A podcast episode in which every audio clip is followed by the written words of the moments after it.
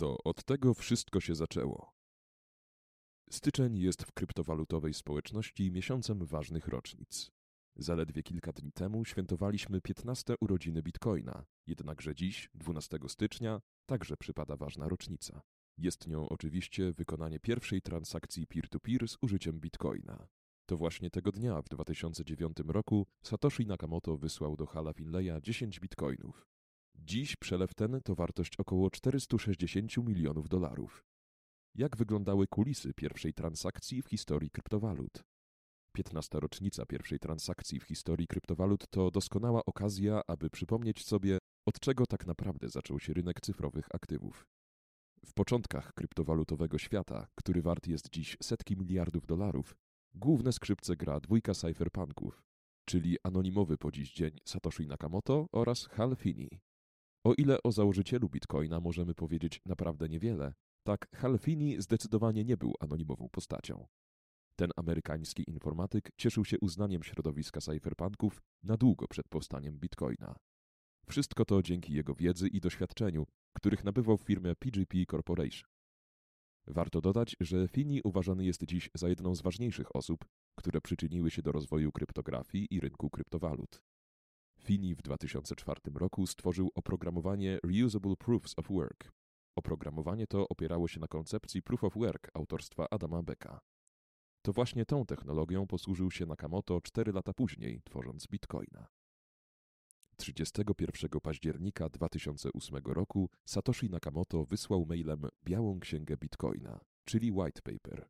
Adresatami tego e-maila była grupa cypherpunków, wśród których znalazł się także Hal Finney.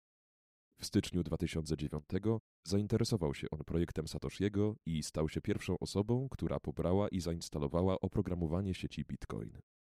Fini nie tylko zaangażował się w kopanie kolejnych bloków Bitcoina, ale także znalazł kilka istotnych błędów w jego oprogramowaniu. Napisał o tym w mailu do Satoshiego. Z późniejszych wspominków Fineya wynika, że kiedy tylko ustalił on, że protokół Bitcoina jest już stabilny, to wyłączył oprogramowanie ze względu na bardzo wysokie zużycie mocy obliczeniowej jego komputera. Pierwszy adresat przelewu w bitcoinach jest też osobą, która jako pierwsza wyceniła kryptowalutę Satoshiego Nakamoto. Hal Finney podszedł do tego tematu bardzo analitycznie.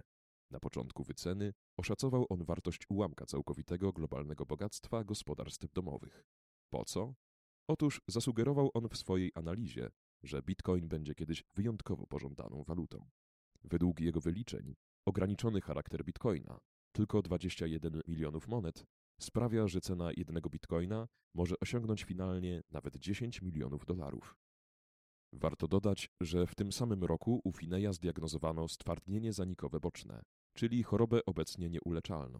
W przypadku Fineya choroba ta postępowała na samym początku dość powoli, jednakże w 2014 objawy nasiliły się do tego stopnia, że Finney został sparaliżowany.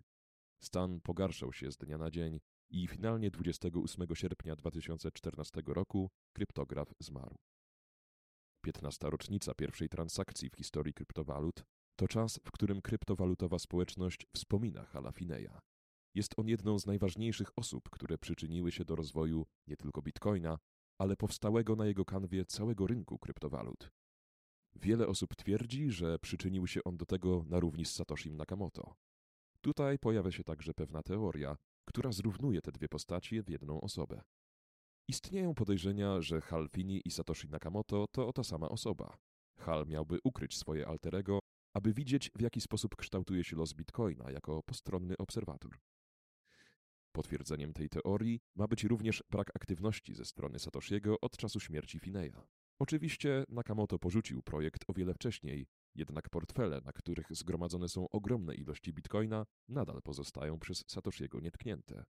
To oczywiście tylko i wyłącznie teoria, która podsycana jest przez fakt, że tożsamość Satoshiego Nakamoto, mimo 15 lat historii bitcoina i tego, że bitcoin wszedł właśnie do mainstreamu, nadal pozostaje zawoalem kryptograficznej tajemnicy.